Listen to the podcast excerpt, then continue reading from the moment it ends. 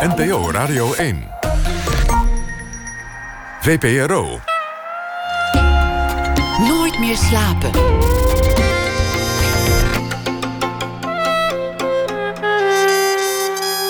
Met Pieter van der Wielen. Goedenacht. De derde is pas net begonnen, dus januari is nog lang niet voorbij. En hier is Nooit meer slapen, nog tot 1 uur vannacht. Dennis Wening is erachter gekomen dat hij ADHD heeft, of aan ADHD lijdt, of hoe Ja, noem je dat is wat eigenlijk? is het eigenlijk, ja. Dat de diagnose ADHD best wel eens op hem van toepassing zou kunnen zijn. En dat klinkt een beetje alsof de paus je vertelt dat hij erachter is gekomen dat hij katholiek is. Want iedereen om Wening heen wist het natuurlijk al jaren. Voor de presentator zelf viel alles ineens op zijn plek. En nu heeft hij een programma, ADH Dennis. Vanaf komende week op televisie te zien bij SBS 6. En dat gaat over ADHD. Wat is het eigenlijk? Wat moet je ermee en wat voor impact heeft het op onze wereld en samenleving? De hele cameraploeg gaat meteen ook in behandeling, want in TV-land is ADHD een beroepsziekte, zoiets als rugklachten bij bouwvakkers. En Dennis Wening die is komend uur hier te gast. Presentator, muzikant, werd bekend met Expeditie Robinson. Maakte ook nog kwaliteitsprogramma's als Zon, Zee, Zuipen, Ziekenhuis. Toegegeven was prachtige televisie. Wat zag je? Mensen in vakantieoorden in verschillende staten van dronken ontbinding, rondzwalkend of tijgerend door ondergepist uitgaansgebied. En Dennis leek soms, maar daar kan ik ernaast zitten, iets wat gegeneerd dat hij daarbij moest staan. Ja, klopt. Man van vele talenten, want hij presenteerde ook ooit radio voor de VPRO 3 voor 12. En hij groeide op in de wereld van Jehovah's. Een man ook van vele werelden. Geboren in 1977 en Dennis Wening is nog Haagser dan de grote kerk zelf. Dennis, hartelijk welkom. Leuk dat Dankjewel. je er bent.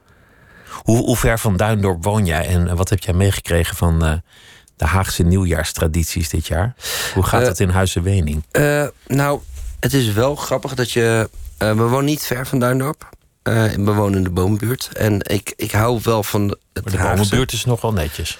Ja, maar het ook weer niet zo netjes. Hè? Ik bedoel, je hebt, je hebt Vogelwijk en eh, dat is zeg maar echt een beetje kakkie. En, en Boombuurt is gewoon wel een normale wijk. Het is niet, wonen, het is niet dat daar per se de, de welgestelden wonen of zo. Dus we wonen normale mensen. Daar ben ik ook namelijk geboren. En mijn vader was gewoon aannemer, bouwvakker. En, eh, en ik ben eigenlijk ook... Ik ben nooit meer losgekomen van die buurt.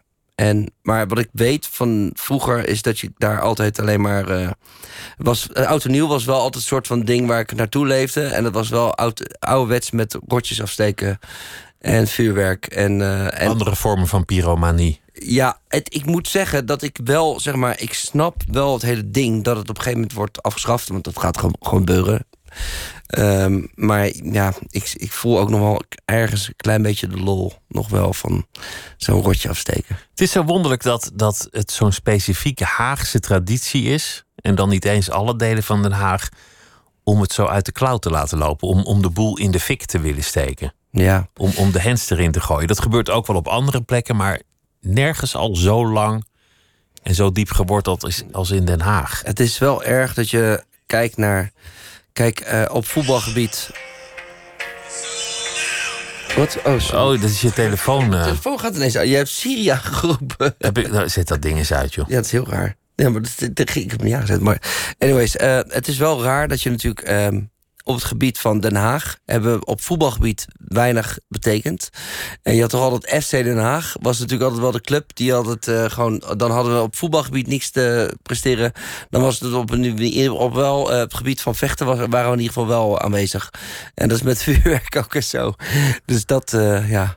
Je bent, je bent heel Haags. Hey Siri, speel eens het clublied van, van ADO. ja. Wacht, ik ga hem nu even uitzetten hoor. Dat is wel, ja, gaat, die kappen nou, gaat, gaat nu weer aan. Ja, maar ik, ik riep nu echt Siri aan. Oké, wacht. Die, die diagnose, ADHD, laten we ter zake Ja. komen. Dat, dat kan toch niet echt als een verrassing zijn gekomen voor jou? Eh, nou ja, kijk, vroeger, ik bedoel, jij bent een beetje mijn leeftijd. Was dat, ik ben iets ouder dan, dan jij. ja, maar goed, eh, toen was het toch helemaal niet ter sprake. Dat je, als je druk was of, Nee, hyperactief bestond wel als, als Ja. diagnose, maar dat had niemand. of irritant, Irritant. of je let er niet op. Of ga ze op de gang Je staan. kon je niet concentreren. Ja. dat soort dingen, dat, dat hoorde ik dan wel. Maar het was niet zo dat je dan hoorde van... eh, ja, nu heb je dan tegenwoordig natuurlijk dat je dan zegt van... oh, misschien heeft hij ADHD. En eh, ik dacht eigenlijk niet als volwassene dat je dat eh, ooit nog... dat, dat zou kunnen krijgen of zo. Dus toen dat. En ik, en ik moet ook eerlijk zeggen, ik was ook heel erg moe van. Ik, ik, ik haat heel erg dat. ehm, ja, al die termen, weet je. Dat je nou, maar ik ben eigenlijk heel erg slecht met, labels. met, je- met, yo, met, ik, ben, ik ben met yoga, met al, al dat soort dingen. Ik ben eigenlijk tegen al- alles waar je label op plakt. En, eh, eh, en met, eh, met ADHD dacht ik echt zo, oh ja, tuurlijk, oké, oké, ik ben een beetje druk, dus ik heb ADHD. En, ehm, en ik, ik, ik lachte er een beetje om. En toen dacht ik op een gegeven moment wel van ja, maar ja, het wordt wel echt serieus genomen. En toen dacht ik, nou, ik wil toch wel eens een keer weten wat het dan echt is. Hoe kom je daar dan achter? Hoe gaat dat? Het moment dat, dat je die diagnose krijgt of, of op jezelf afroept? Of... Nou ja, dus dat, dat is dus interessant van het programma. Want kijk, ik hoor het via mijn huisarts dat ik het heb. En mijn huisarts die kent mij alleen maar van mijn eh, bezoekjes eh één keer in de zoveel tijd. En die gaat dan af op mijn eh, gedrag. In de wachtkamer als je met je Ja. been zit te wiebelen. Ja, nee, ja, maar of die, die, maar goed, hij kende mij wel lang, maar toch vond ik het wel bizar, want hij, hij heeft toch wel het recht om jou medicatie te geven, waar gewoon wel echt heftig, eh, ja, er zit gewoon speed in, weet je, en eh methylfenidaat. En eh, ik vond dat wel best wel bizar dat kinderen jong, op jonge leeftijd al heel snel, op het moment dat zij de stempel krijgen ADHD, die medicatie krijgen. Ritalin en dat soort dingen. Ja, en, en, en toen dacht ik, oké, deze huisarts kent mij dan wel. Tussen haakjes al mijn hele leven. Maar wanneer heb je het nou echt? En weet je, en, kan je het dan echt zien op een, onder een scan? Of eh, als je naar de dokter gaat. Het is niet als net als met koorts. Je stopt geen, eh, eh, weet je, je kan niet zo meten dat je iets hebt. En, en daardoor dacht ik van, nou, ik vind het nu wel heel erg interessant. En ik wil eens een keer weten, wanneer weet je nou echt of je ADHD hebt? En dat is het vertrekpunt van het programma. Maar jouw dokter zei: Ik denk dat jij het hebt. En die gaf jou een keer een pilletje. Eh, nou ja, nee, dat was eigenlijk was dat tijdens Expeditie Robinson. Toen, toen eh, ehm, tijdens het programma, ehm, zeker in het begin, we, filmden in de Filipijnen. En eh, daar was toen nog helemaal geen internet. En, eh, en soms was het dan zo dat Evie Hansen, met wie ik het toen nog opnam... eh, die was dan bijvoorbeeld de proef aan het doen. En daarna was er een eilandraad, deze en de eentje. En daarna was er een realitydag. En dat betekende dat ik gewoon drie dagen niks aan het doen was. En dan zat ik daar in een houten hutje, een blokhutje... waar niks te doen was, want de hele ploeg was daar aan het filmen. En ik mocht niet mee, kon niet mee. En, eh, en nou, toen klom ik echt tegen de muur op. En toen zei de producent tegen mij... dan, dan raak je dus onderprikkeld. Probeer eens dit. En toen gaf ze me Ritalin. En toen nam ik Ritalin. En toen... eh, in tegenstelling tot sommige mensen die het dus nu gebruiken als een soort van partydruk of om goed te kunnen studeren, eh, werd ik er super sloom van. Want dat is een soort lakmoesproef, toch? Dat als je er sloom van wordt, dan heb je waarschijnlijk ADHD. En als je er helemaal opgefokt van raakt, dan heb je het waarschijnlijk Ja. niet. Ja. Dit is medisch onverantwoord advies, maar Ja, dit is een beetje hoe het als volkswijsheid wordt overgeleverd. Ja, ja, en het zegt ook nog steeds weinig hoor, moet ik eerlijk zeggen. Maar ehm, het was wel voor mij een dingetje dat ik dacht van oké, ik word er wel echt zo moe van. Dat ik dacht, ik ga wel eh, een keer eh, naar de huisarts en dat eventjes eh, checken. Maar als jij dan in je vriendenkring komt of thuis bij je, bij je vrouw of, of bij je moeder en je zegt: Mam, ik denk dat ik ADHD heb, dan begint iedereen toch te gniffelen. Dan denkt iedereen toch: Ja, tuurlijk heb je dat, jongen, dat wisten we allemaal al jaren. Nee, helemaal niet. Nee? Nee, juist helemaal niet. Want ik, ik, ik had juist dat mijn, eh, mijn broertje... Nou, mijn broertje is mijn... eh, nou, ik kan heel goed met mijn broertje. En die zei echt, Den, je hebt echt een ADHD. En mijn moeder zei het ook niet. En mijn vrouw twijfelde ook. En die dachten alleen maar juist dat het een soort excuus zou zijn voor mijn gedrag. Dat je dan voortaan ermee zou gaan zwaaien. Van ja, hier kan ik toch niks ja, aan nee, doen. maar kijk, ik ben een uber chaot. Ik vergeet. ehm, ik heb nu een nieuw mediabedrijf en, eh, en in Amsterdam. En wat, dat, wat betekent dat ik ook dus naar kantoor moet gaan en dat ik mijn laptop mee moet nemen. En dan vergeet ik mijn laptop elke keer mee te nemen. En dan zet mijn vrouw, moeten ze nu briefjes op de deur hangen. Dat zien we ook in het programma. Allemaal van die post-its door je maar, hele huis. Ja, maar de- kijk, dat doe ik dus niet natuurlijk omdat ik dat kicken vind of zo. Want ik vind het natuurlijk verschrikkelijk.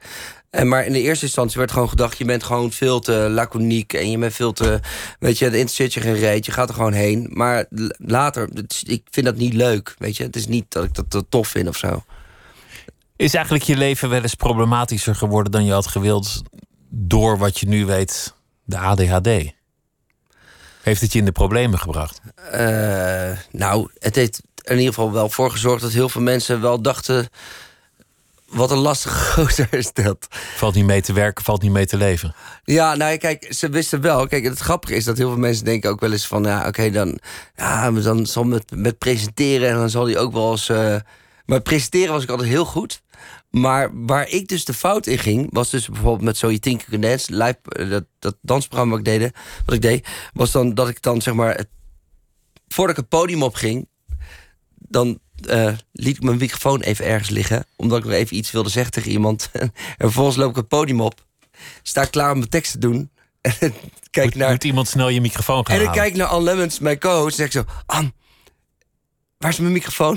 en dan heb ik mijn microfoon ergens neergelegd. En dan weet ik niet meer waar de microfoon is. En dan leg ik hem ergens neer. En dan, dan pak ik haar microfoon. En dan doe ik de tekst. En dat, op tv zie je er niks van. Maar het is meer dat iedereen om me heen altijd denkt... oh mijn god, die jongen, die legt zijn tekst ergens neer. Hij, ja, ik raak alles kwijt. Dit is gewoon meer dat chaotische. Slik je nu middelen om dit onder controle te krijgen? Of, of ga je er anders mee om? Ja, soms wel. En soms niet. Want... Um, het is ook wie je definieert ja. wat je definieert. Dit is wie je bent. Ja, ik heb, ik heb medicatie geslikt. En uh, sommige, op sommige manieren werkt het zeker. Want dan kan ik me wel beter focussen. Maar het, het, het maakt ook wel zo wat mijn huisarts toen al zei, toen ik daar was bij hem... zei hij, Dennis, wat, wat jou zo leuk maakt en uniek maakt op tv... is gewoon ook wel zo die energie die je uitstraalt op het podium. Want je hebt zoveel energie en je kan presenteren... en dat komt misschien wel daardoor. En die randverschijnselen, dat ziet de kijker niet. Maar dat unieke maakt misschien wel dat je ADHD hebt. En dat energieke en die hyperfocus heb je wel. Weet je wel? Dus, en, en, dus het maakt je uniek, maar er zitten ook wat randverschijnselen aan. Hoe zit het met drinken? Want, want je moeder komt aan, eh, aan het woord in het programma en die zegt: Ja. ADHD'ers zijn verslavingsgevoelig en daar maak ik me bij jou wel zorgen over. Ja. Zegt je moeder. Ja. En dan, dan heeft ze het voornamelijk over, over de dorst. De dorst, ja.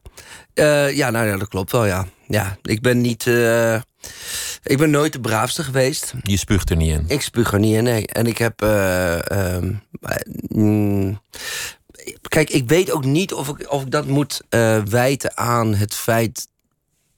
of het ADHD is, ja of nee. Of dat het ook te maken heeft met mijn leven, met mijn achtergrond of met gewoon hoe ik zelf ben. Weet je? Dus ik vind hoeft dat heel hoeft ook niet om, een duidelijke reden te hebben, maar het kan een soort zelfmedicatie zijn. Nou ja, kijk, het, het, waar, waar ik ook achter ben gekomen in het programma is dat gewoon dat ik denk driekwart van de mensen die in de gevangenis zitten hebben ADHD.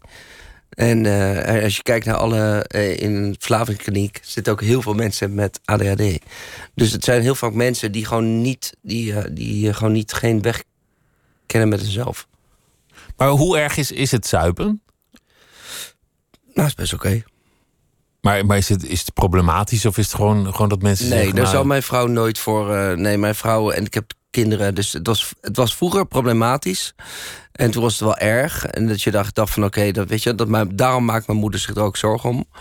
En, dat uh, ik die tijd nog kent. De tijd van de beentjes ja, van de Spider Rico. Spider Rico rock'n'roll. En toen was het ook, toen had ik ook geen totaal geen verantwoordelijkheid. En ik had ook niemand uh, om ja, echt voor te leven. Maakte me ook niet uit. Ik was super destructief. Maakte me geen reet uit. Dus uh, en, en toen had ik het zeker, maar dat heb ik nu niet meer. Dat destructieve heb je opgelost omdat je een, een gezin hebt. Je hebt iets om voor te leven, zeg je Ja. eigenlijk. Ja. Dus je zegt eigenlijk, als ik, als ik mijn vrouw en kinderen niet had, dan, dan zou ik god weet welk modderig pad in zijn gegaan wellicht. Nou ja, zeker. Ja, dat, die, maar dat, ja, zo'n pad ben ik wel uh, eerder ingeslagen, ja. Dat pad heeft wel naar je, naar je gelonkt, in zekere zin. Uh, uh, ja. ja, toen, toen de tijd. Um, nee, uh, je moet je voorstellen, zeg maar, als je bent opgegroeid met het idee dat alles wat je doet in je leven en alle regels waar je aan houdt, dat is voor een reden. Dus alles wat je verduurt, dus geen verjaardag, geen Sinterklaas, geen uh, kerstmis, noem maar op. Allemaal dat soort dingen. Dat doe je allemaal omdat je... In de hemel zult komen. Ja. En als je daar uiteindelijk achter komt... Uh, dat doe je omdat je uiteindelijk in het paradijs zal komen... en dat je eeuwig kan leven. En als je uiteindelijk achterkomt dat je dat niet hebt... en dat je alles voor Jan Lul hebt gedaan, zeg maar... om het even plat te zeggen. Ja, dan kom je wel eh, op een moment in je leven dat je denkt: oké, eh, ja, wat maakt het dan nog uit? Dan kijk je eigenlijk in een heel diep ravijn. Ja, Omdat alle zin die zo duidelijk aanwezig was in je bestaan weg is gevallen. ja, En ook je omgeving. Want, want jij bent verstoten uit de omgeving van Jehovah's. En, en van je geloof gevallen. ja. In die volgorde. eh, ja, maar, ja, maar goed, dat wil ik niet verder. Je hebt niet meer zo zin om het erover te hebben. Nee, nee, zeker niet. Nee. Ik vind het zo wonderlijk omdat het, dat het zo'n ander leven is. Omdat dat, dat het een soort wedergeboorte is. Omdat de Dennis die nu tegenover mij zit... een product is van de tijd die erna kwam. Nou, maar kijk, ik, ik kan niet zeggen dat ik eh, niet dankbaar... Ja, het klinkt zo raar. Kijk, ik ben blij dat ik het heb meegemaakt. Ik weet wat het is om te geloven. En ik weet echt wat het is om te geloven in God. En ik weet hoe het is om te geloven met een community... om, om elkaar te hebben en om gelukkig te zijn. Want ik was echt heel gelukkig ook. Je Dus- geloofde er echt in, je was gelukkig, het waren lieve mensen om je heen. Het was eigenlijk goed. Ja, het was goed. En, ehm, en dan komt er een breuk in je leven. En dan moet je opnieuw beginnen. Dus ik heb twee levens gehad. Zo voel ik het. Weet je, ik heb twee levens gehad. En ik ben daar. eh, dat heeft me heel veel kracht gekost. En, en iedereen heeft over Expeditie Robinson. En eh, oh ja, hoe zwaar was dat? En denk je, hallo man. Zwaar Expeditie was dat Robinson- dat je van het programma werd gehaald. bedoel Ja, ik. dan denk je van, dat was niks, man. Dat was niks. Er zijn nog veel erger dingen gebeurd in mijn leven. Daar kan je dan nu wel hoop uit putten in andere situaties. Als je denkt, nou als ik dat heb overleefd... Ja, dat doe als ik ik ook. uit die put ben gekropen... dan Dat zal ik ook. deze ook wel weer lukken. Dat doe ik ook. Hoe was het afgelopen jaar voor jou? 2019, als je het zou moeten definiëren. Nou, wel goed eigenlijk. Ja, ik heb echt wel een goed jaar gehad. Het was wel vechten, weet je. Het was wel. eh, ik moest mezelf weer even leren kennen. eh, leren. eh, ik moest mezelf overtuigen dat ik het kon. Want ik bedoel, ik had altijd heel vaak eh, praatjes en eh, ideeën. En eh, ik moest, het wel, moest het wel even waarmaken. En dat, dat heb ik wel volgens mij gedaan. Want je moest professioneel jezelf weer ergens aan de bak helpen. Of je moest weer nieuwe plannen uit de grond stampen. Want, want die hele breuk, dat was in 2018. Ja, dat, dat was inderdaad zo. En, eh, en, en ik had al eh, ideeën. En ik dacht gewoon, ja, fuck het, wening. Aan de slag. Ja, Brood op even met die luie reet eh, die van de bank af. En nu eventjes alles waar gaan maken. Het kan ook een zegen zijn, zoiets. Ja, dat denk ik ook. Het kan een zegen zijn als iets gebeurt waar, waar je eigenlijk heel bang voor zou moeten zijn. Een grote tegenslag, een ontslag of een, of een, eh, een breuk met je omgeving. Een radicaal nieuwe start die Ja. gedwongen wordt. Vaak kijken mensen dan later terug en zeggen ze: Goh, eigenlijk is dat een geluk geweest. Eh, ja, ik kan, ik kan, weet je, het moeilijk is, ik kan het nu nog niet zeggen. Ehm, Want je Ik- bent er nog niet helemaal. Eh, nee, wel. Ik bedoel, ik, nou ja, nee, ik ben er nog niet helemaal. Nee, natuurlijk niet. Weet je, kijk, ik heb natuurlijk allemaal leuke nieuwe dingen wat ik aan het doen ben. Ehm, maar niks is zeker in het leven. Maar dat was toen ook al niet toen ik een contract had bij RTL. Ehm, je moet gewoon altijd gewoon eh, iets regelen voor jezelf, waardoor je gewoon wel iets. Ja, ik bedoel, ik heb een gezin onderhouden, weet je. En ik heb het eerste wat ik deed, en dat is het grappige. Mijn contract werd niet verlengd. Maar ik kocht wel een nieuw huis. Eigenlijk ver boven mijn prijs. Wat ik kon betalen. Maar ik had gewoon scheid aan. Want het was gewoon een huis waar ik al heel jaren van droomde. Het was aan de overkant van mijn oude huis. In mijn oude buurt. Dus net als je ontslagen bent of je contract niet verlengt, of, of hoe je het ook moet noemen, koop, je, koop je een nieuw huis. Wat, wat strikt boekhoudkundig gezien een onverstandige zet Ja, is. iedereen zei, ben je gek of zo? Dat kan toch niet? En ik zei, fuck it. Dus ik dacht, en ik, ko- en ik kocht het gewoon. En ik heb het gewoon gekocht. En, eh, en toen dacht ik, nou, dan ga je maar iets harder werken, Benning. Met je grote bek. En nu ga je het gewoon even laten zien. En toen ben ik dus inderdaad eh, No Fronts, mijn eh, mediabureau begonnen. En mijn management begonnen. En, en toen ineens, ik, ik had dus echt letterlijk, hè, kijk, je moet je ook weten dat eh ADHD Dennis zat al in mijn hoofd. Maar dat was gewoon meer, gewoon echt voor mezelf, dat ik dacht, Daar zou Oh. ik eens een programma over Nee, maar nee, nee, niet eens een programma. Meer, meer dat ik dacht van, ook raar hè, dat een arts je dat zomaar kan vertellen dat je ADHD hebt. En eh, dat je dat zomaar medicatie krijgt. Zo, meer, zo was het. Maar omdat ik dus mijn mediabureau was begonnen... wat toevallig aan de overkant van Strix tv zit. Die, met wie ik jaren Robinson heb gemaakt. Die ook van Robinson zijn afgehaald. Dus die ik dus nu tegenkom tijdens de lunch. En ik kom hun tegen, tijdens de lunch. En hun vragen mij: Hey Den, hoe is het? Ja, ja. Heb je nog een leuk tv-idee? En ik zeg: Ja, ADA Dennis. en ik zeg dat tegen hun. En zij zeggen dat, nou, wat een tof idee. Ik zeg, ja, maar dan wil ik het wel doen met een ploeg met ADHD'ers. Nee joh, ik zeg jawel, want dan zie je als kijker ook wat er gebeurt als je ADHD hebt. Als je vier van die jongens op pad ja, stuurt. vier eh, op, op pad stuurt. En dus hun zeiden, oké, leuk idee. Zij werken het uit. En toevallig heb ik een nieuwe manager. En die nieuwe manager stuurt het naar Erland Galjaard, waarvan ik het ook niet had verwacht in eerste instantie. En die zegt van een tof idee. En voor het weet zit ik ineens weer een programma te maken voor SWS6. Dus het is, het is ook wel weer een beetje een soort van wat je jezelf afdwingt, gewoon, weet je. Je gewoon. Uh... Maar je moet ook vertrouwen hebben en dat is moeilijk in zo'n geval. Ja. Want je diepste twijfels die, die worden aangewakkerd wanneer je ergens vanaf wordt gehaald of vervangen. Want het zijn altijd lullige momenten. Ja. Dat is mij ook wel eens gebeurd. Ik ben ook wel eens uh, ergens eruit geflikkerd in de omroep. En dat, dat tast je zelfvertrouwen aan, net wanneer je het nodig hebt. Ja. ja. Je moet uitvinden wat je waard bent. Het, weet je, misschien is het ook wel zo dat ik... Uh, ik heb mezelf nooit een... Uh, Martijn Krabbe gevonden of zo. Of een, weet ik wel, zo'n grote presentator. Ik vond mezelf, ik vond het altijd, het klinkt nu heel stom misschien, maar ik vond mezelf altijd die, die gozer uit de buurt. Dus je, je, had het idee dat je leuke gozer. Je had het idee nee, nee, dat maar je... die, nee, maar die leuke gozer, dat die, die, die, nee, hè? die leuke gozer, nee, is op tv. Ik, ben, ik, hoefde, ik hoefde nooit een superster te zijn. Weet je, ik, wilde, ik hoefde nooit... Uh, ik vond met Spider Rico met mijn beentje spelen, van kicken.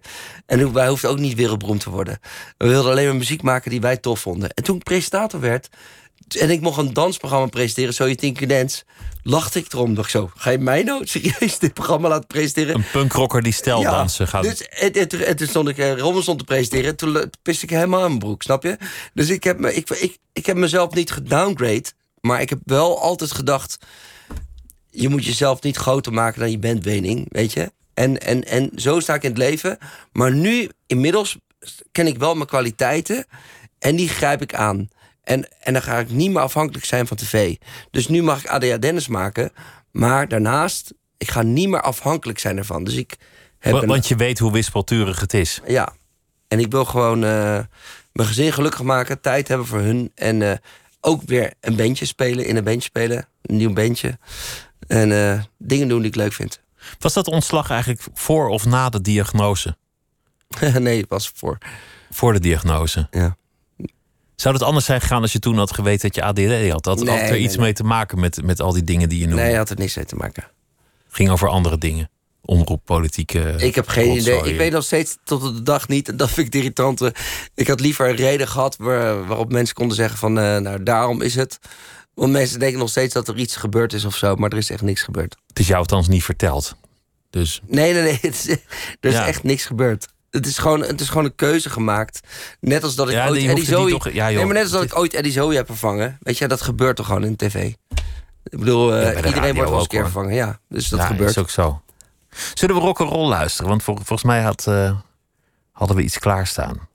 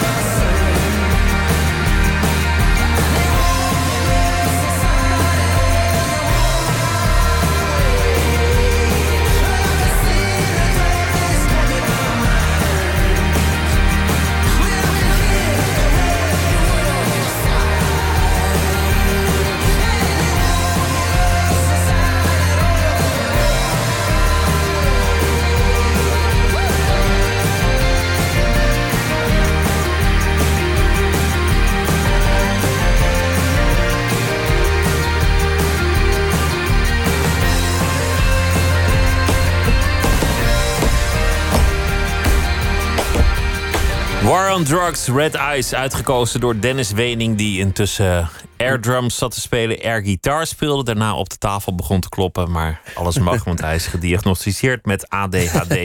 maar laat het geen excuus zijn, want dat was nooit de Nee. bedoeling. We begonnen met eh, nieuwjaar in Den Haag, de traditie, en daarna hadden we het al snel over de diagnose, die, eh, die bij jou toch wel op zijn plek viel Op, op, de, op de loer ligt. op de loer ligt. En Ja. het eh, programma dat je bent gaan maken. Onderweg eh, vertelde je ook iets over eh, het afgelopen jaar. Jezelf moeten heruitvinden. En, en je zei eigenlijk...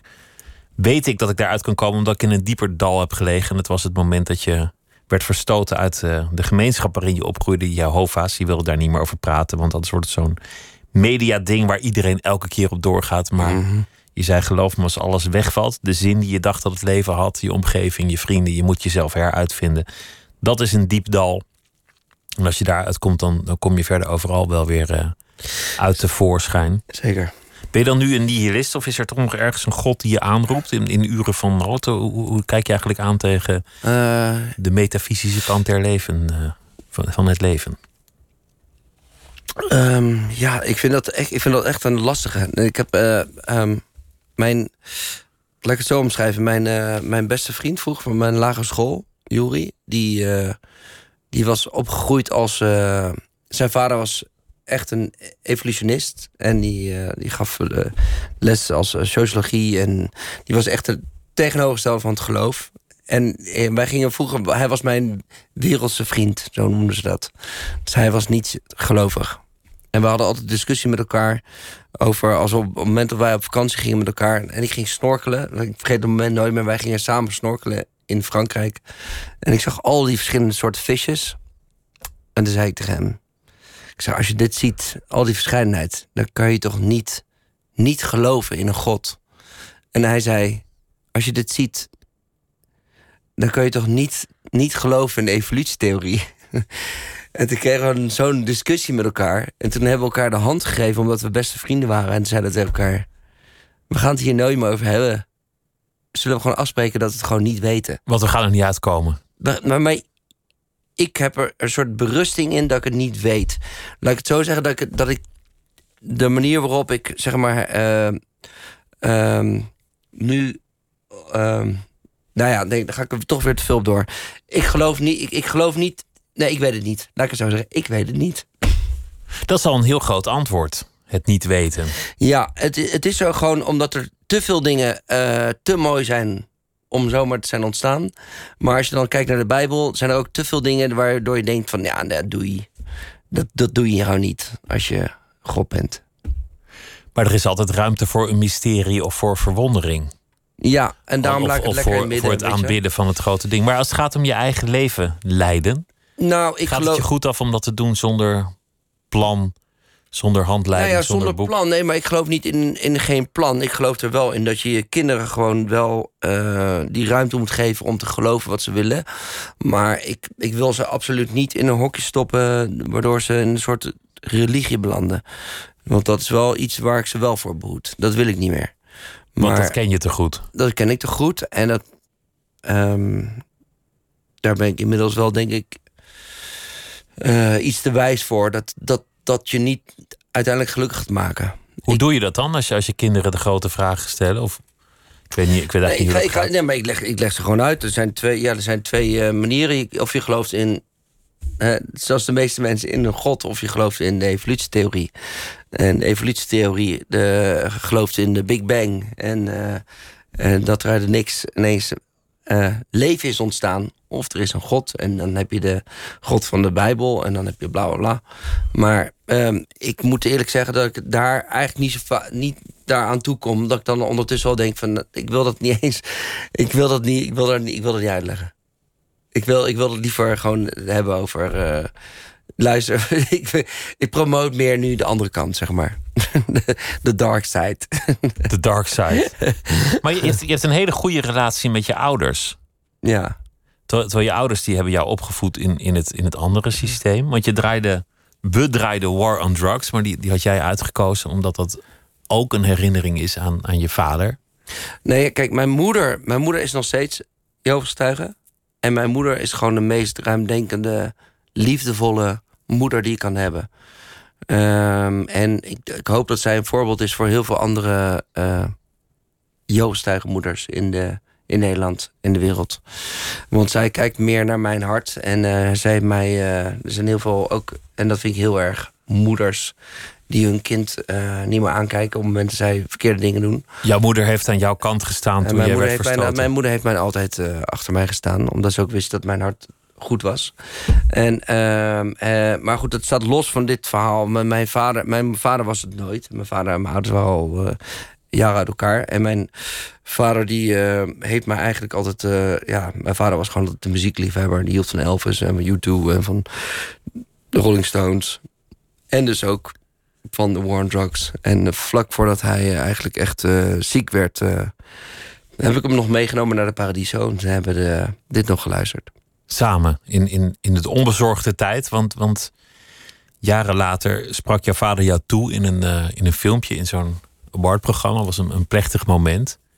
En jij, jij brak, want jouw vader heeft een bloeding gehad, hij heeft kanker gehad, hij heeft, hij heeft echt heel, veel, heel veel tegenslag gehad. Spreekt moeilijk. Ja, mijn vader, mijn vader heeft acht jaar geleden non-Hodgkins gehad, kanker. Daarna lag hij in het ziekenhuis voor de chemo en kreeg hij een hartaanval. Tijdens de hartaanval uh, kreeg hij dus, uh, omdat het tegelijk ging met de chemo, kreeg hij hartfalen. Toen had hij nog maar vijf jaar te leven. En dat is inmiddels acht jaar geleden. Toen kreeg hij drie jaar geleden nog een herseninfarct. En toen zou hij, niet, ja, zou hij niks meer kunnen. En uh, mijn vader is er nog steeds. En mijn vader die heeft alle medicatie, zonder dat wij het wisten hoor, uit het raam gegooid. En hij fietst inmiddels weer. En hij is mijn, nou ja, mijn grootste inspirator op dit moment. Dus toen bij de televisie ging, toen ik daar zat, toen iedereen zei: Oh, wat knap dat jij daar zit, Dan. En, uh, hè, want er is toch een nieuwe presentator. En, en als je er toch bent, dacht ik: Ja, ik laat mezelf niet kennen. Want dat heeft mijn vader ook nooit gedaan.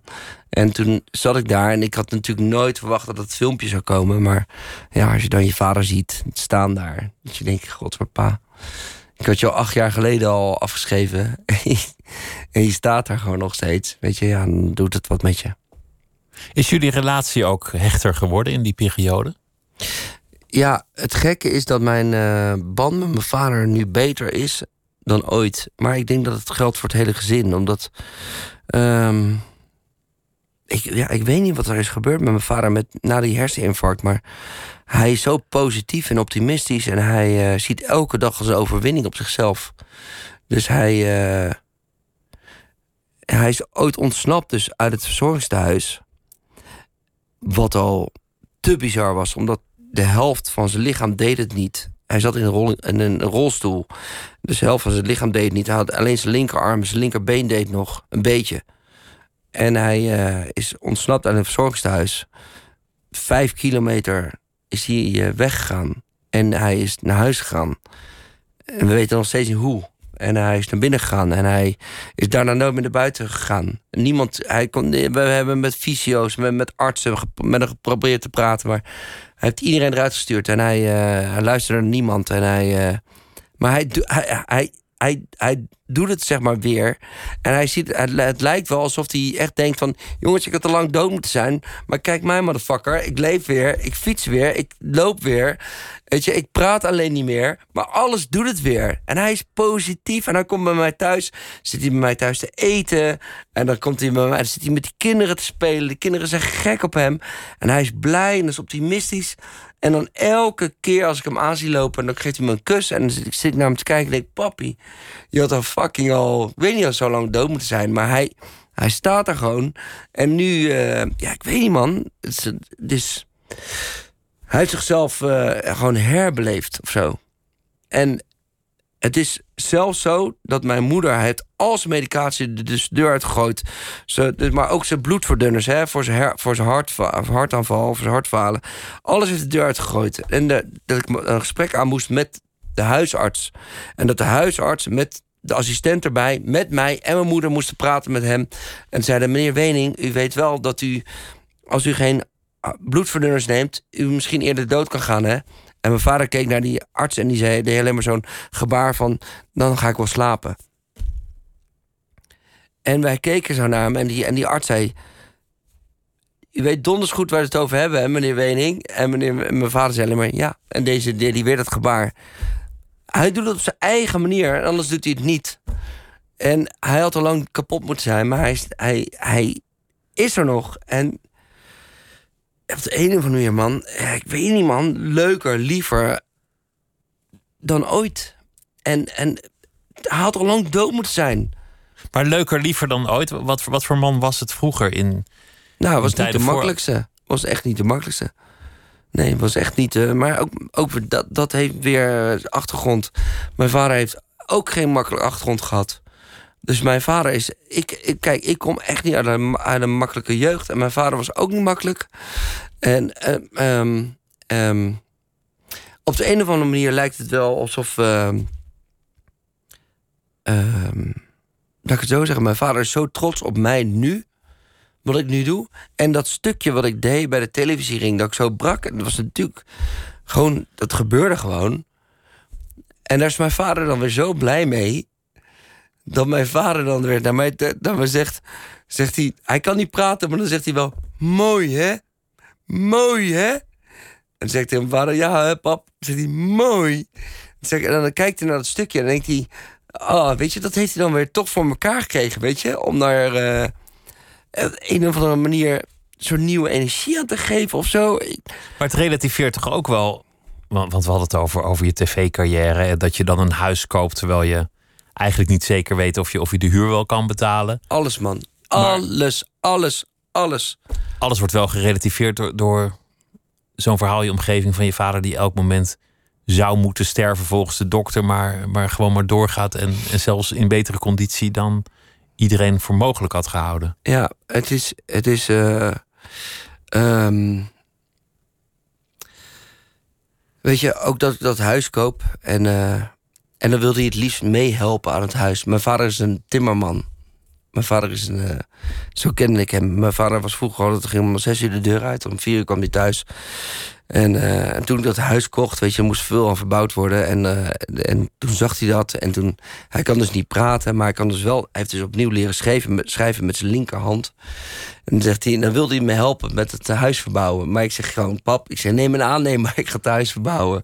En dan zegt hij zo, nee, nee. En dan wordt hij boos en dan pakt hij een pen en dan schrijft hij dan op, op papier, timmerman. Zeg pap, ik zeg, je zit met een timmerman. Ik zeg, maar ik zeg, kom, ga ik je nog niet aandoen. En dan wordt hij helemaal boos dat hij mijn huis niet heeft kunnen verbouwen.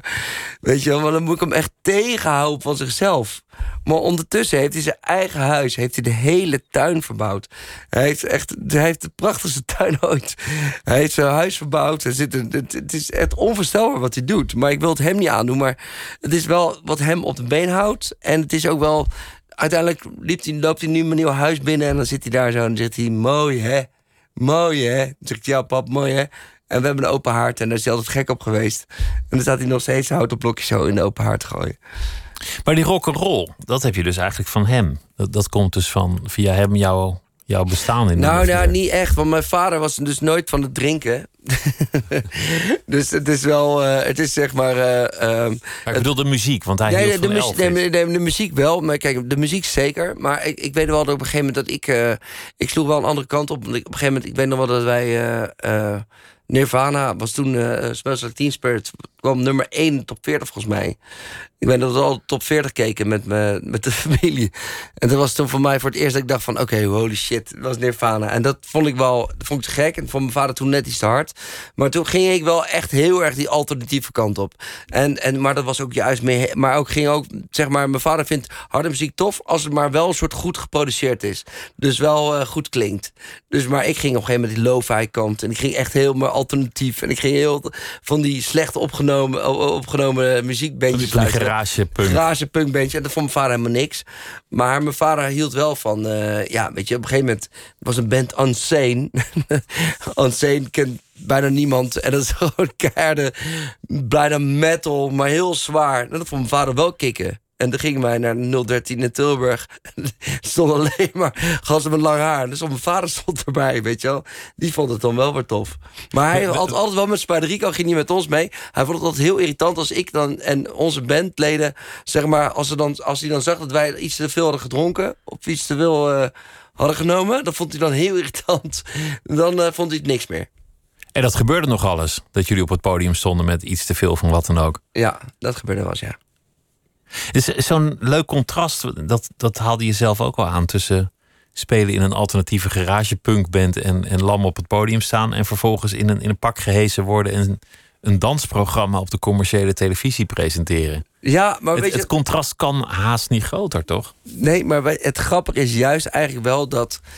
Uh, als, je, als je toen Spider Rico zag... Lenny, mijn beste vriend... met wie ik ook nu in de Burnout Boys zit... Uh, want, je, want je bent weer aan het musiceren. Ja, ja, ja, ja. Samen met Gavi en René. En uh, weet je, we zitten met een, met een echt met, met, een, met het tofste, tofste bandje ooit zitten we bij elkaar. En en wij, wij Lenny werd altijd gek van mij. Weet je, dat hij dat, hij dat dacht van... oh, die Dennis blijft me lullen tijdens, de nummers door. Weet je wel. En, en dus dat, dat, ik, dat ging me altijd gewoon heel gemakkelijk af. Weet je. En dat was gewoon, uh, ja... Het praten ging je makkelijk af. Ja. Eigenlijk al presenteren dus. Ja. En dan sta je vervolgens, want, want ik, ik haalde dat aan in de inleiding... ergens aan een Costa... Nee, dat we, daar wil ik het echt niet over hebben. Dat is echt verschrikkelijk. Vond je dat echt verschrikkelijk? Ja, dat was afschuwelijk. Ja, ik schenk ondertussen ook een wijntje in. Maar dat, dat programma dat heette Zon, Zee, Suipen, nee, Ziekenhuis? Zon, Ziekenhuis. Zon, Zuipen, Ziekenhuis. Ik zie, ik zie ook nu ook gewoon... Ik zie hier op de andere kant van de glas lachen. Nou ja, maar goed. Was toch wel, was toch wel Nee, leuk? maar luister, kijk. Nee, nee, nee. Dat, nee, daar was niks leuks aan. Kotsen aan de Costa? Nee, daar was niks leuks aan. Kijk, ik ben heel blij met heel veel programma's die ik heb gemaakt in mijn leven. En, uh, maar er zijn ook programma's. Dat is dus een programma waarvan ik echt denk. Dat wilde ik gewoon niet doen. Maar ja, dat zit er gewoon heel veel. Uh, um, dat is nader van een contract. Ja, ja. Zonzuipen ziekenhuis was gewoon echt. Ja, dat was gewoon niet leuk. Nee, dat sta ik gewoon niet achter ook. Maar ja, dat was toen nou ook. Ja, kan al. gebeuren. Maar goed, de, ondertussen dan uh, hè, gaan we weer mooie programma's maken als Adria Dennis. Maar dan, dan, dan sta je daar en dan, dan is tv wel echt heel, heel ingewikkeld. Want, want die camera die. Luister, het, moeilijk, het, moeilijk, het moeilijke is natuurlijk dat, je, dat ik met Spider Rico nooit concessie wilde doen. Ik heb nooit concessie willen doen. Spider Rico, MTV, 3 voor 12. Ik was altijd, zeg maar... De principiële jongen. Incredible. Ja. Ik was heel credible. Zoals Willy Wart al zei. Ik kom niet... Uh, fuck credible, ik kom incredible. En, uh, en dat was natuurlijk wel ja, een momentje dat je denkt, ja... Niet zo credible voor jezelf, althans. Nou, ik stond er gewoon niet achter. Maar ja, dat, dat hoort erbij. Soms moet je gewoon dingen doen in je leven. Wat je dan denkt van achteraf, nou, er komen wel andere nieuwe dingen. Heb je ook wel eens gehad, toch? Oeh, ja, zeker. Ja. Maar dat was het gewoon dat het heel slecht was. Het was niet ja. zozeer dat het principieel verkeerd was of iets. Of dat ik nou, niet ja, stond in, in het begin. Maar dat het gewoon niet, niet gelukt was. Ja. Kan je wel een paar dingen... Nou ja. Maar dat, dat proces van jezelf heruitvinden. Want je zei, ik wil nooit meer helemaal afhankelijk zijn van de televisie. Ik wil wel tv maken en programma's maken. Maar ik ga zorgen dat ik er niet meer helemaal van afhankelijk ben. Zodat, zodat er niet meer op die wankele grond gebouwd hoeft te worden. Mm -hmm. wat, voor, wat voor andere dingen? Want je doet een beetje management, zei je. En nee, je hebt, je ik doe niet een, een beetje management. Ik doe nu, weet je, ik heb dus... Uh, um, uh, dus mijn band, Burnout Boys. Ik wil Maddie nog wel even noemen, want die had ik uh, niet genoemd. Dus de helemaal Burnout Boys bestaan. En um, 10 januari trouwens moeten we optreden. Moet je wel even trouwens roepen. Waar dan? In de beleving in Den, Den Haag. Oh ja. Heb ik nu gedaan. Um, en uh, mijn management, top-down management, is samen met, uh, doe ik samen met een hele goede vriend van mij, uh, Joost Zelbergen en Steven Blonk, doen wij top-down management. We doen drie artiesten. En dat zijn drie niet artiesten waarvan je denkt, dat doe ik even tussendoor hoor. Want uh, Nigel Hay die heeft uh, inmiddels gewoon de platina plaat uh, dit jaar gekregen. Babette is net getekend bij een heel groot, groot label, Universal. En Super Jas, een, dat is een nieuwe rapper, die zit nu bij Pias. die gaan 2020 helemaal kapot maken. En dan, denk jij, dan zeg jij volgend jaar met mij dit gesprek te voeren, zeg jij, zo weet je nog Dennis? Toen zei je het toen, al. Ken, toen ken ik, ken ik ze nog niet. Nou, die, dat ken je ze wel. Uh, nee, en die, en die hebben ook al hun aandacht nodig natuurlijk. En daar, en, en daar moet ik mezelf heel scherp in maken. Want soms maak ik inderdaad fouten omdat ik heel slecht ben in mijn eigen agenda. Laat staan voor hun agenda. Ehm, eh, maar ik, ik, ik geloof daar heilig in. En dat vind ik ook superleuk en tof om te doen, juist met muziek. En, eh, en ik heb een media, social media bureau, eh, No Frans. met wie. Met, met wie? Met wie? Hey, No Frans, hoe gaat het? Ja, hij gaat heel goed. Ja, met jou? Ja, ook lekker. Met, hun, met dat bedrijf gaat het ook heel goed. Dus ondernemen, muziek maken en intussen programma's maken waar je achter staat, die, die je leuk vindt. Ja. En, en dan natuurlijk gewoon nog je, je eigen bestaan. Je, je zei over ADHD iets terloops, want je zei de, de mensen in gevangenissen, daarvan is de helft vermoedelijk ADHD. Ja. Met andere woorden, als die mensen zichzelf beter zouden kennen of een manier zouden vinden om dat hoofd rustig te krijgen, dan zouden ze wellicht ander gedrag vertonen en niet achter de tralies zijn beland. Ja. Geldt ook voor mensen met leerresultaten die beter zouden kunnen in veel gevallen. Ja. Mensen die in, in carrières vastlopen, relaties vastlopen, ga ze maar door. In die zin is er een hoop te winnen met die diagnose. Tegelijk zit er ook een andere kant aan, en dat zit ook in je programma, als het gaat over kinderen. Dat, dat ook de eigenheid van zo'n kind wordt weggenomen. Ja. Al die kinderen die krijgen een diagnose, een label. En liefst ook medicijnen. Heftige medicijnen. Want er zit, er zit ook speed in, dat zei je zelf. Mhm. En, je, en eigenlijk probeer je ook een soort, soort al die kinderen dan tot een soort knakworstjes te smeden, zodat ze beter in dat, in dat klaslokaaltje passen. Ehm, ja, nee, ja, dat probeer ik niet. Nee, jij niet, maar ik bedoel, de, je bedoel ik de, als, als samenleving. Ik, ik, vind het, ik vind het wel een, een, een interessant Het gegeven. blijft, het blijft een heel vreemd gegeven ADHD. En het is net als eh, wat mij stoorde, was natuurlijk altijd dat als je druk bent, heb je ADHD, ben je heel stil, dan ben je een autist. Eh, wat is het nou echt? En wanneer heb je er echt last van? Want ADHD kan je niet zien onder een hersenscan. Je kan het niet zeg maar, aan je bloed zien. Je kan het niet aanwijzen. Je kan, het is niet duiden. En, en, en dat maakt het voor sommige mensen een reden om te denken: het bestaat niet. En voor sommige mensen eh, eh, een reden om er juist voor op te staan. En ehm, zo heb je dus psychologen, psychiaters die er wel in geloven en anderen die er niet in geloven. En die geloven in medicatie en anderen die geloven in andere manieren. En, en, dat, ma en dat was een wereld waarin ik, waarin ik terecht kwam. Waar- Waarin ik dacht van, oké, wow. Ik sta hier met deze hele intelligente vrouw te praten. Die, die overtuigt mij een beetje. En nu sta ik met deze andere hele intelli- intelligente vrouw te praten. Die overtuigt me ook wel een beetje. Maar wat de fuck is het nou echt? Het is natuurlijk pas een probleem als het een probleem is omdat je erin vastloopt. Dus je, je had ook bijvoorbeeld een, je hebt een interview gedaan met Jochem Meijer. Die verdient de kosten mee. Ja, En dat geldt voor jou in zekere zin ook. Dat je je, je, je succes ontleent nee, aan maar, je maar, kijk, maar eh, het, het, zit, het zit hem erin dat. Wat ik heel erg vond, en dat heeft Jochem ook.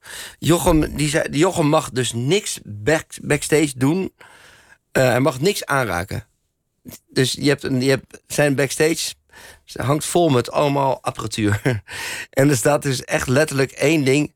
Hier mag Jochem aanzetten. En dat is een springtouwtje. En verder afblijven. Alle knopjes, want alle alles wat hij aanraakt gaat kapot. En, en dat heb ik dus ook. Jochem vertelde ook tegen mij. Hij zei, Dennis, ik, hij, hij zat toen, had toen eh, al die shows in Rotterdam. Hij zei, dan gaat hij naar Hotel New York, gaat hij zwemmen. Hij zei, dan loop, loop naar het zwembad. En dan zegt hij, dan kom ik aan met, mijn duikbrilletje. En dan denk ik, oh shit, ik ben mijn- muts vergeten. En dan loopt hij dus terug naar zijn hotel om zijn muts te halen. Loopt hij weer terug naar het zwembad, is hij weer zijn duikbril vergeten. Loopt hij weer terug naar het zwembad. Nou zo. Dus loopt hij drie keer heen en weer. En dan schaamt hij zich omdat die man in het zwembad hem drie keer heen en weer ziet lopen. En dat heb ik dus ook. Ik loop el- ik elke keer, ik heb dus een nieuw bedrijf, ik vergeet mijn laptop. En dan voel ik me altijd een kneus. En ben je nou een kneus of ben je, hangt het, heeft het met iets anders te maken, snap je? Hij heeft ook wel eens, geloof ik, eh, in plaats van roos vc ketchup met water in de, de schoolbekertjes van zijn kinderen gedaan. Ja, hij, heeft, hij is zelfs een keer met zijn nieuwe Audi... is hij de wasstraat ingereden met zijn ramen naar beneden. Dat is ook wel heel grappig. ja, was hij vergeten zijn ramen naar boven te doen. Is het erfelijk eigenlijk? Want, want je, Ja, het is erfelijk, ja. dus, dus jouw kinderen die, die hebben wel een grote kans om dit ook. Ja, er is wel een grote kans dat eh, Charlie... eh, ja, dat- Coco heeft het zeker niet. Dat is de slimste sowieso van ons alle vier. En, ehm, maar Charlie zou het heel goed kunnen hebben. En dan? Heb je daarover nagedacht? Van, van, Nou, het moet, goeie- moet er wel een pilletje in of niet? Of, het goede is juist, wat ik heb geleerd, is dat als je kind ADHD heeft en ze. Kijk, ik was er toen niet bewust van dat ik dat eventueel zou kunnen hebben. Dus ik, ik leerde gewoon. En uh, ik ben met mijn moeder in de eerste aflevering naar mijn oude school gegaan. Mijn oude schoolrapport gaan terugkijken. En daar staat dus gewoon wel in. Dat je een rotjoch was? Nee, nee, niet rotjoch. Maar Dennis kan zich niet concentreren. Dennis, uh, weet je, Dennis is de drukste van de klas. En Dennis kijkt alleen maar, bij, alleen maar dromen. Alleen maar dat soort dingen. En nu als, als je dat nu had geweten, had, je gezegd: Oh, nou, dat is misschien iets aan de hand met je kind. Maar mijn moeder dacht: Gelukkig, Dennis hoeft geen professor te worden. dus mijn moeder maakte zich niet zo druk erom. Dus die liet mij gewoon Dennis zijn. En dat heeft dus in mijn geval heel goed geholpen. Op de middelbare school, ook mijn middelbare schoolrapporten waren niet de best. Mijn moeder, mijn moeder zei: Nou, ik heb nooit het idee gehad dat, je, gehad dat jij dat er iets aan de hand was met jou. En toen las ze die rapporten terug, dacht ze... Nee, misschien had er wel iets, iets kunnen zeggen dat er wel iets aan de hand was. Maar eh, omdat zij zich daar niet druk om maakte, is het goed gekomen met mij. Want juist als je kinderen met ADHD heel erg de druk gaat opvoeren van... Uh, oké, nu... Je moet dit of, of nu je huiswerk... Dan gaat het niet goed. Je moet volgens mij allereerst iemand laten zijn wie, ze, hij is. Ja. En dat is wel ingewikkeld genoeg. Ja, denk ik ook. Maar heb jij het gevoel dat je soms misschien een beetje ADHD hebt? Nee, helemaal niet. Nee? Nee. nee ik ben altijd heel geconcentreerd en. Uh, maar je hebt ook ADD, hè? Wat is dat dan weer? Dat is zeg maar alles behalve druk zijn. Maar dan wel een beetje chaotisch, vreedachtig. Nee, nee ik, heb, ik heb altijd mijn shit op orde. Ik ben uh, meestal op tijd. Vergeet geen afspraken. Geheugen. Nee, oké, nee, ik zie oh, iedereen nee schudden. Nee, nee, nee, je hebt het niet. Iedereen nee, hier nee, zit. ik zou nee, nee, nee, maar, nee, ik, ik, zou je graag... Nee, helemaal niet. Ik zou je graag van dienst zijn, maar... Nee, nee. nee. Maar, maar kan je daar iets bij voelen? Bij iemand die dat heeft? Of, of heb je wel het idee... Ja, misschien gebruik het als een soort excuus? Nee, dat heb ik helemaal niet. Ik neem je serieus. Ik denk dat, dat, dat, dat iedereen anders is, maar dat, dat je inderdaad, als je eenmaal weet waar het aan ligt of hoe jouw brein in elkaar zit, dat je je leven daarop kunt afstellen. Nou, ga maar briefjes plakken dan. Ja. Of kies een beroep uit dat bij je past. Ja. En zorg dat je niet in de gevangenis komt of, eh, of, of aan de drank raakt of, of dat soort dingen. Nee, precies. Maar ik, ik vind wel. Maar goed, het is een mening. Ik ben helemaal niet deskundig in dat soort dingen. Maar je hoort nooit meer een ouder met een kind zonder label. Ik heb veel vrienden met kinderen en dan is allemaal of, of autistisch of, of nee, ik, kind is depressief. Weet, of ik laat dat kind ook eens een keer anders zijn dan de rest. Ik zou, ik zou ook nooit, tenzij Charlie zeg maar, er echt last van heeft, zou ik haar nooit laten diagnosticeren. Weghouden bij de deskundige ja, een beetje. Ja, ik, ik, ik vind persoonlijk, laat een kind een kind zijn. Want ADHD heb je pas als je er last van hebt. Dus zolang Als de leraar er last van heeft, dan heb jij nog niet nee, zolang een mijn diagnose. kind er geen last van heeft, dan, dan, dan heb je geen ADHD. En ik vind gewoon, mijn kind kan druk zijn wat ze wil. En, maar dan kun je nog, er zijn nog zat manieren om daar mee om te gaan. Want je bent wel een leuke vader, zag ik in de serie. Zeker, natuurlijk ben ik een leuke vader. Een drukke vader, maar wel een grappige vader. Geestig vader, liefhebbende vader. Ja, ik ben ook een leuke man. Later in de laatste minuten. Ja. Het is te zien volgende week bij SBS 6, ADH Dennis. En ik wens je heel veel succes daarmee en met uh, het ondernemen en alle programma's die je verder gaat maken. Dankjewel, man. En ik hoop dat je nooit meer uh, tussen pissende Britten op de Costa moet staan filmen. Nee, nooit meer, nooit meer. En verder wens ik je alle goeds en uh, dank dat je langs wilde komen, Dennis Wening. Graag gedaan. Het was me genoegen. En zometeen dan uh, kunt u luisteren op NPO Radio 1 naar Miss Podcast met uh, Misha Blok. En zij gaat in gesprek met uh, comedian Tim Hartog. En wij zijn er morgen weer met Nooit meer slapen. Ik wens u een hele goede nacht.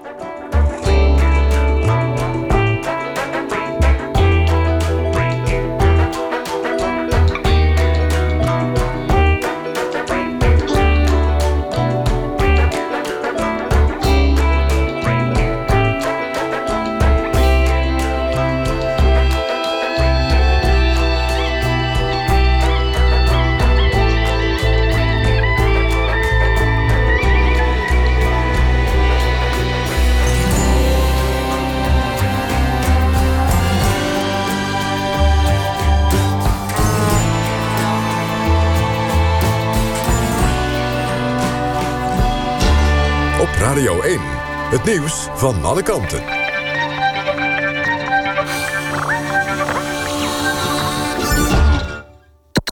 NPO Radio